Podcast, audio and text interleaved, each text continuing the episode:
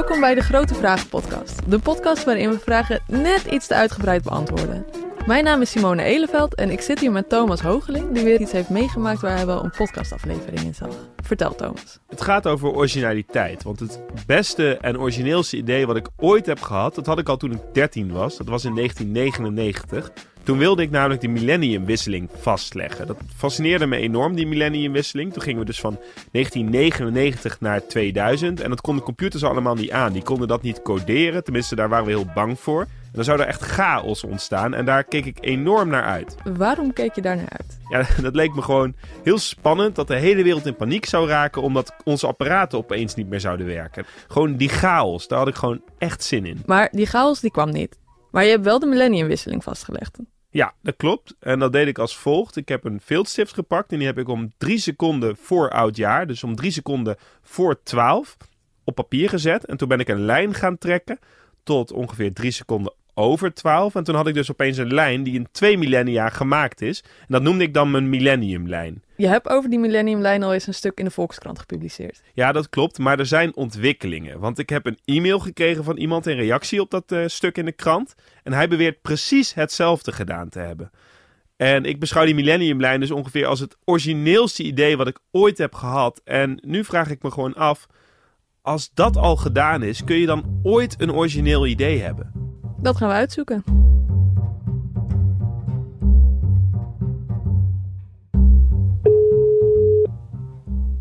Magic Phoenix. Hi, met Simone Edeveld. Spreek ik met de koper van Thomas Millennium Lijn? Ja, dat klopt. Ja, je hoort het goed. Dit prachtige kunstwerk van het Viltstift op A4 is ook verkocht.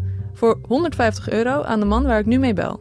Ja, daar ben ik ook heel trots op natuurlijk. Mag ik vragen waar de lijn nu hangt? Uh, ja, die hangt uh, in de gang bij mij thuis. Oh wauw, dus hij hangt heel prominent wel dan. Ja, ja, zeker. Dat zal Thomas' ego zeker strelen. Even tussendoor, dat doet het zeker. Kan je beschrijven hoe die erbij hangt? Nou, een beetje saai. Het is gewoon een witte muur met erop een saaie lijst met daarin de Millennium En mag ik vragen waarom je die lijn hebt gekocht? Uh, ja, ik vond het nogal uh, slim verzonnen eigenlijk. Dus een beetje jammer dat ik het zelf niet bedacht had. En uh, ik zat gewoon champagne te drinken op dat moment. En uh, Thomas die was zo slim om even een lijntje te trekken. Hoi. Hoi. Hallo. Hallo. Ik ben Rutger. Ik ontmoet Rutger. De kunstenaar die beweert ook een millenniumlijn gemaakt te hebben. Hij is zo vriendelijk om me op te halen van het station Groningen. Lukt dat? Ja. Het is een flinke reis. Ik heb zelfs herten gezien. Bij de Oostvaardersplassen? Ja, en Die daarna ook wel, nog ja. in de wei. De Oostvaardersplassen natuurlijk altijd. Ja. Want je woont in Amsterdam? Ja. En jij woont hier op 10 minuten van het station. Uh, ja, Paterswolde, dit is een paar kilometer ten zuiden van Groningen. En ik heb vroeger uh, ook wel hier in de stad gewoond toen ik mijn, mijn Millennium schilderij maakte. Toen woonde ik in de stad hier. Toen was ik net klaar met de kunstacademie, geloof ik. Oh, jij bent wel echt naar de academie geweest om dit te verzinnen. Ja, nou ben ik dus opeens in Groningen bij Rutger Hiemstra. En jij hebt mij denk ik nu ongeveer nou, een maandje of acht geleden of zo, zoiets, heb je mij, stuurde jij een mailtje en daar schrok ik best wel van. Waarom schrok je daarvan? Nou, omdat ik dacht dat ik een origineel idee had bedacht. Namelijk het, het maken van een millenniumlijn en het, het, het, verbinden van de twee millennia. En toen mailde je mij een, een foto met een tekstje erbij. En het leek er wel verdacht veel op. En toen voelde ik me opeens een stuk minder geniaal. Het is trouwens niet zo dat ik mijn eigen idee altijd al zo geniaal heb gevonden. Nadat ik hem gemaakt heb, verdween hij ergens in een multomap bij mijn ouders. Maar toen mijn ouders de berging opruimden, kreeg ik meerdere mappen terug met rapporten en klassenfoto's en dus ook mijn millenniumlijn. Door dat stuk in de krant wat ik erover schreef, kreeg ik ook waardering uit de kunstwereld voor mijn idee. Toen begon ik mezelf echt geniaal te vinden. Totdat ik dus die e-mail van Rutger kreeg. Maar de rol van originaliteit in de kunstwereld, die snap ik ook wel. Als kind ook altijd, als je niet begreep waarom een kunstenaar in een museum mocht hangen, dan was het antwoord altijd: ja, maar hij was de eerste die het zo deed. Maar hoe belangrijk is originaliteit eigenlijk buiten de kunstwereld? Toch? Hey, hey Robert. Hi Simone. Welkom. Dank je. Op zoek naar antwoorden ben ik in het chique deel van Den Haag terechtgekomen. Uh, wil je thee, koffie? Uh... In het eveneens chique pand waar Antea Investments huist. Ik spreek hier met Robert de Boek, durfkapitalist. Ja, mijn dagen zijn heel gevarieerd. Dan ben ik weer aan het onderhandelen over een voorgenomen participatie. Dan moeten we een nieuwe directeur zoeken. bij een van onze bedrijven. Dan heb ik een discussie met de accountant over uh, waardering in onze eigen jaarrekening. Uh, dus ja, het is heel, uh, heel gevarieerd. En, en uiteraard, we zijn in gesprek met heel veel bedrijven die een investeerder zoeken. Dat is eigenlijk wel de, de hoofdbezigheid van, mijn, van mijn werk, ja. Dat treft, want daarvoor kom ik. De zakenwereld is misschien niet de eerste plek waar je aan denkt bij originaliteit. Maar die bekende uitdrukking, een gat in de markt vinden, die bestaat niet voor niks. Wat ik mij dus afvraag is, als Robert onderzoekt of hij gaat investeren in een jong bedrijf, zoekt hij dan bedrijven die een bewezen formule volgen? Of gaat hij juist op zoek naar bedrijven met een origineel idee? Ja, je ziet dat, dat investeerders die zich richten op starters, dat is dan iemand die een gat in de markt uh, ontdekt heeft uh, of denkt ontdekt te hebben. Uh, daar zie je wereldwijd dat daar slechte, resultaten, slechte rendementen op worden behaald, omdat ja, van het ene succesverhaal, en die lezen we in de krant, daar tegenover staan 99 mislukkingen. Slecht nieuws voor originaliteit dus. Investeerders zien er geen brood in. Wil een bedrijf een kans van slagen hebben, dan zijn er volgens Robert eigenlijk maar drie dingen heel belangrijk. Ik zeg wel eens, er zijn drie dingen belangrijk bij participeren. Eén is management, twee is management en drie is management. Door al zijn ervaring staat Robert er dus vrij nuchter in. Maar was dat altijd al zo?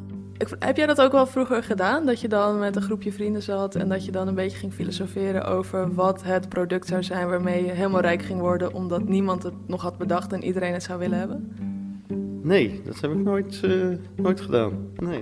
nee. Maar iedereen heeft het toch wel eens gedaan. Iedereen heeft toch wel eens gewoon een geniaal idee aan vrienden voorgelegd, waarvan die vrienden dan meteen zeggen: ja, dit bestaat al. Maar Robert dus niet. En dat is op zich opvallend, want hij heeft zelf wel een gat in de markt gevonden. Kijk, wat dat betreft ben ik zelf ook ondernemer. Toen ik uh, dit idee bedacht, was 1992. Ik deed daarvoor uh, corporate finance. Maar het zelf investeren is veel leuker dan, uh, dan adviseren. Dus ik bedacht van ja, het is veel leuker om een eigen participatiemaatschappij te beginnen. Maar daar waren er al een stuk of 60 van in Nederland. Ja, als je nummer 61 wordt, ja, dan moet je wel ergens onderscheidend vermogen hebben. Het onderscheidend vermogen van Robert komt er dus in het kort op neer dat hij zich richt op het MKB. Dus kleinere bedrijven dan gebruikelijk is voor investeerders. En daar investeert hij dan in met geld van kleine investeerders. Of nou ja, relatief kleine investeerders. Toen wist ik nog niet dat die mensen informal investors heten. Maar toen kende ik wel mensen die hun bedrijf hebben verkocht. En tegen mij zeiden, ja Robert, ik heb nou 10 miljoen. Ik wil uh, eh, 8 miljoen op de beurs beleggen en in vastgoed. En met die 2 miljoen wil ik nog uh, ja, iets leuks. En zo kwam Robert op het lumineuze idee om niet alleen het vermogen van al deze kleine investeerders te bundelen in een fonds, maar ook hun ondernemerskennis. En met die kennis kunnen zij de ondernemers waarin zij dan weer investeren helpen een origineel verdienmodel te vinden. We begonnen dit gesprek en toen kwamen we er eigenlijk al snel op uit naar originaliteit, dus overschat belangrijker om goed te managen. Maar je moet wel goed sparren. En het gaat er wel om om een origineel verdienmodel te hebben. En jullie unique selling point, als het ware, is dat je mensen sparringspartners biedt om op zoek te gaan naar een toch wat origineler verdienmodel. Klopt dat, deze indruk? Ja, ja, eigenlijk uh, heb, je wel, uh, heb je wel gelijk daarin. Ja, ja dat is toch belangrijker dan ik uh, aanvankelijk zei dat was. Terug naar Paterswolde, waar Rutger met zijn gezin woont. En ik ben nog steeds niet blij dat mijn millenniumlijn niet origineel is. dat is, uh, het spijt me heel erg. Ja. Nee, maar weet, jij had wel een origineel idee. En ik had ook ik had hetzelfde origineel idee, toch? Dat kan toch? Dat je tegelijk hetzelfde originele idee hebt. Als je het idee niet van iemand anders hebt gekregen, dan vind ik het toch wel origineel. Oh, dat, dat is wel een goeie. Dus ja, oké. En we, we hebben het... Nou we hebben het overduidelijk tegelijkertijd gehad. Dat is, dat is te bewijzen. Namelijk, we hebben, we hebben echt op hetzelfde moment hebben wij een, een, een lijn zitten trekken je zou wel kunnen zeggen dat, dat ik iets genialer ben, omdat, omdat ik toch een stuk jonger was dan jij. Ja, dat, ben, dat uh, geef ik je na. Ik vind het echt knap dat je als 13-jarige daar dacht. Maar je kan ook beweren dat ik nog een stuk genialer was, omdat ik het met zulke goede materialen heb gedaan. En niet op een papiertje met een filtstift die verbleekt is na 20 jaar. Ja, ja, ja. Het, is, het is geen wedstrijd, Rutger. Dit is geen wedstrijd. Maar soms is het dat wel. En dan is het natuurlijk extra belangrijk om een origineel idee te hebben. Dit was een competitie uh, jaren geleden waarbij de gemeente vroeg aan vijf bureaus om een voorstel te doen voor uh, een nieuwe campagne voor de stad Amsterdam. Je hoort Erik Kessels, oprichter van reclamebureau Kessels Kramer. Hij is nogal een ideeëngenerator. Je kunt hem van van alles kennen, onder andere van Ik ben Ben, Bol.com en zo, nu eerst een Bavaria. Maar ook van die grote letters die je overal in Amsterdam, maar niet meer op het Museumplein ziet opduiken. We waren daar met een paar mensen en toen waren we erover aan het praten. En op de weg terug hadden we eigenlijk dit idee al. Dus toen we hier uh, terugkwamen op het bureau, toen hadden we zoiets van... nou ja, dat is wel heel uh, snel. Laten we even kijken of dit al bestaat. Maar de slogan I Amsterdam bestond nog niet. Dus toen hebben we dat vastgelegd, dezelfde dag. Daar moet je gewoon in, investeren, want het kost best wat geld. Maar we waren er wel van overtuigd, als dit nog niet bestaat... het, het, het is zo... Uh, helder. Het paste zo bij de opdrachtomschrijving die we hadden. Dus uh, twee weken later, toen presenteerden we. Na onze presentatie was het doodstil. Best vreemd, want we hadden echt nog een, we hadden echt een hele goede presentatie gemaakt. Dus ik vroeg aan een vrouw die naast mij zat van, wat is er? En uh, toen zei ze van, ja, dat is een beetje pijnlijk, maar die partij die voor jullie presenteerde had exact hetzelfde idee. En later bleek dat drie van de vijf bureaus eigenlijk hetzelfde idee hadden. Maar dat klopt ook wel, want ja, zoiets. Het is ook een soort cocktail van wat er in de lucht hangt, wat er uh, gevraagd wordt, hoe de briefing is. En dat, dat past op een bepaalde manier. En dat, het verbaasde mij ook niks. Dus toen, ja, toen hebben wij dat ook gezegd van ja, wij, wij uh, hadden dit idee ook vrij snel, maar ja, we hebben het uh, vastgelegd en het is dus van ons. Dus die mensen aan, aan, aan die tafel, dus het waren iets van twintig man of zo, die keken wel een beetje vreemd op. Dat hadden ze nog nooit meegemaakt. Toen moesten ze uiteindelijk uh, eigenlijk voor ons kiezen, omdat ja, het was van ons. Erik noemde I Amsterdam een soort cocktail van wat er in de lucht hangt. Misschien was dat ook wel zo met de Millenniumlijn. Ik heb er een meegenomen. Mag ik laten zien? Ja, ja. Uh, het is een kopie. Ja, het is wel heel mooi. Ja, ja, ja. Goed idee.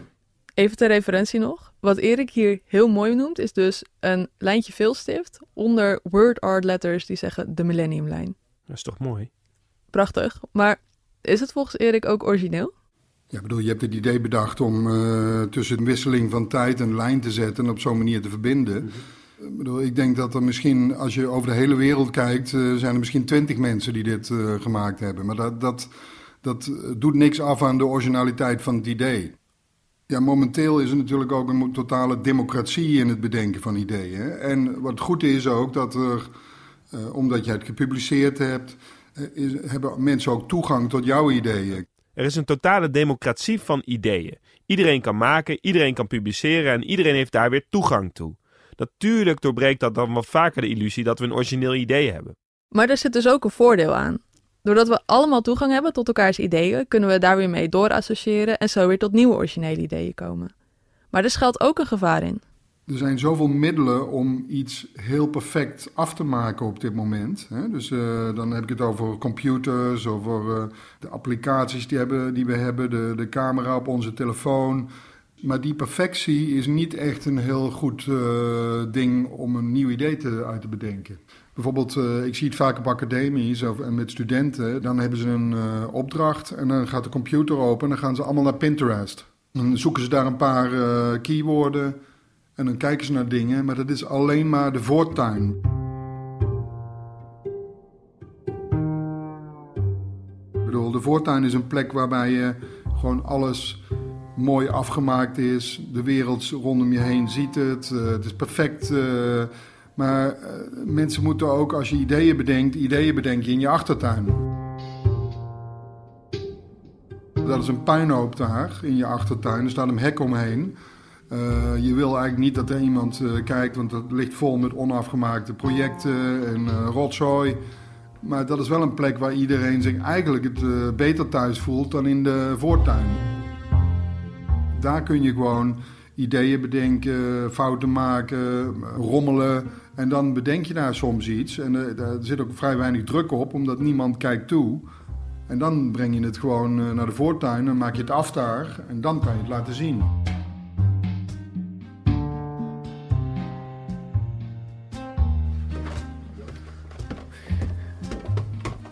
Je zit niet graag stil, geloof ik, of wel? Nee, ik hou wel van dingen maken.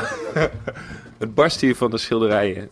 Ja, we zien hier ook eh, een opgezette eh, L, een knikkerbaan. Ja, het duurt eindeloos, maar daar ben ik ook al heel lang mee bezig. Nou, knikker heeft het einde gehaald. Er zijn vijf routes. Zijn nog Ja. niet allemaal af, hè? Nee, de zesde moet nog af inderdaad. Oké, nou, dan gaan we nu naar de garage. Oh jee, ja, daar, ik zie hem al staan. Heb je dit nou speciaal zo neergezet? of- Ja, ja, ja, ja, ja. Ja, want eigenlijk staat dit schilderij gewoon altijd ergens tegen de muur.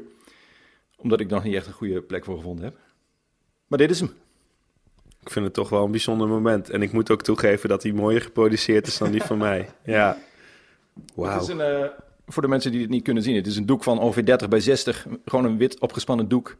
Met aan de, bovenaan een, een hele donkerblauwe lijn van verf. Ik heb het, het beste pigment gekozen dat ik kon vinden eigenlijk. Dat is phthalocyanine in blauw. En daaronder mijn naam en de, de data. Dus de seconde 1999, 7 seconden voor eh, nieuwjaar tot 2007 seconden na nieuwjaar. Rutger en ik hadden dus hetzelfde idee. Maar een idee is maar een idee. Misschien hadden nog duizend mensen het idee voor zo'n lijn, maar alle uitvoeringen zijn uniek. Terwijl alle mensen die het idee niet hebben uitgevoerd nog steeds hetzelfde idee hebben. We zijn nu eigenlijk gewoon met een, met, een, met, met een gewone en met een elektrische fiets gewoon eigenlijk door het weiland aan het fietsen. Zonder, ja eigenlijk gewoon door het, door, door het gras. Ja. Hier is het? Maar goed, of je nou een lijn trekt met een stift of met verf, dat verschil is niet zo groot. Maar uitvoering is meer dan materiaal. Ik maakte mijn lijn aan de keukentafel in Beuningen. En nu wil ik graag zien waar Rutger precies op hetzelfde moment hetzelfde idee uitvoerde.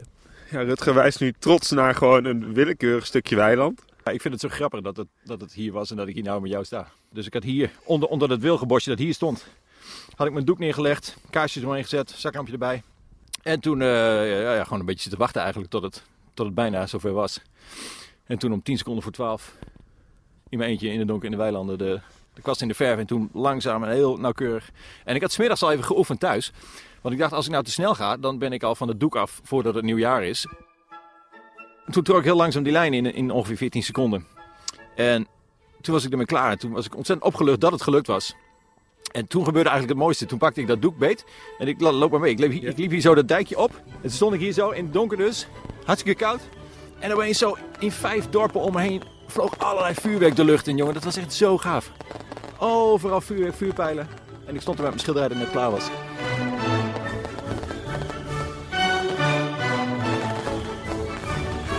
Ja, een van de coolste momenten van mijn leven.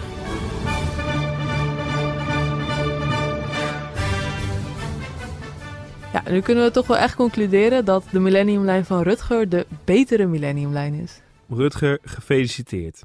Maar wat vindt koper Joep er eigenlijk van dat het kunstwerk dat zo prominent in zijn gang hangt helemaal niet meer zo origineel is? Wat nou als ik jou vertel dat er nog een Millenniumlijn bestaat? Ja, daar vreesde ik al een beetje voor. maar dat vind ik niet zo heel erg. Kijk, als, eh, als er nou in 1999 in de Libelle had gestaan... grote tip voor het nieuwe jaar, maak een millenniumlijn... en eh, op alle rommelmarkten zouden overal millenniumlijnen liggen... dan eh, was het anders geweest. Maar eh, ik hoorde er nu pas van, dus er zullen er niet heel veel van zijn.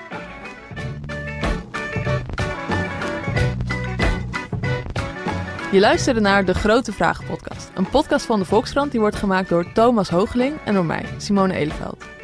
Ons logo wordt gemaakt door Tijmen Snelderwaard, audio-nabewerking door Rinky Bartels en de eindredactie werd gedaan door Dirk Jacob Nieuwboer. Met dank aan Rutger Hiemstra, Joep Vullings, Robert de Boek en Erik Kessels. Vond je deze podcast leuk? Dan kun je je erop abonneren en we zouden het natuurlijk leuk vinden als je een recensie achterlaat. Voor direct contact kun je twitteren naar Thomas of een mail sturen naar podcasts.volkskrant.nl en daar antwoord ik dan op. Volgende week in de Grote Vragen podcast. Waar komt stof vandaan? Bedankt voor het luisteren en tot de volgende aflevering.